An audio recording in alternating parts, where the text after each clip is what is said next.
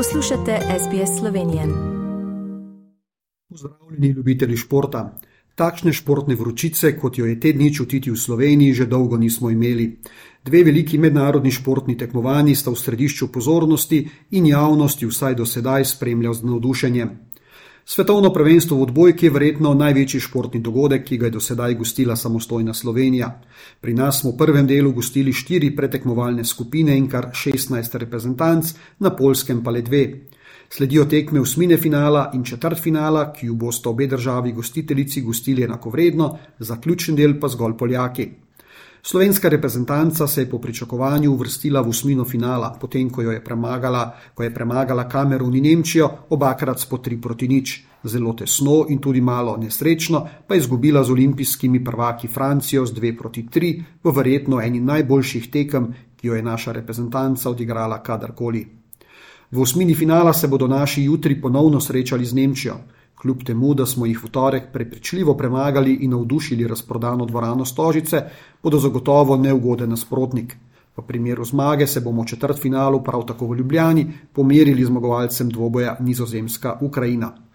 Po dosedaj prikazanem so naši v odlični formi in upajmo, da jih bo tudi jutri razprodana dvorana ponesla še korak bliže bojem za medalje. V Nemčiji pa se je včeraj začelo Evropsko prvenstvo v košarki, na katerem Slovenija brani zlato medaljo zadnjega Evropskega prvenstva. Velika večina strokovnjakov prav Slovenijo uvršča med glavne favorite za ponovno zmago in da so takšnemu izzivu naši lahko kos so pokazali že na uvodni tekmi, kjer so sedmimi točkami razlike ugnali še enega od favoritov, reprezentanco Litve. Blestela je celotna ekipa na čelu s prvim streljcem, naturaliziranim američanom Tobjem, kapetanom Goranem Dragičem, Vladkom Čančerjem ter seveda tudi z Luko Dončičem, ki je odlično razigraval svoje igralce v ekipi. V naslednjih dneh nas v skupini čakajo še tekme z Mačarsko, Francijo, Nemčijo ter Bosno in Hercegovino, najboljše štiri od šestih reprezentanc pa se bodo uvrstile v izločilne boje. Morda tudi zaradi teh dveh velikih dogodkov je vsaj zaenkrat malenkost v senci dogajanja na kolesarski dirki po Španiji. Tudi letos Primoš Roglič odlično vozi in je ob koncu drugega tedna na drugem mestu v skupnem seštevku z dvema minutama in 43 sekundami zaostanka za vodilnim Belgicem Evenepolom. Do konca je ostalo še 8 etap in še kar nekaj priložnosti za napad na rdečo majico. Na odličnem devetem mestu v skupnem seštevku je drugi slovenski predstavnik Jan Polanc. Ob koncu še nogomet. Nogometaši Olimpije nadaljujejo z odličnim štartom v novo sezono in so v sedmem krogu državnega prvenstva zabeležili sedmo zmago, ter tako prednost na lestvici pred zasledovalci še povečali.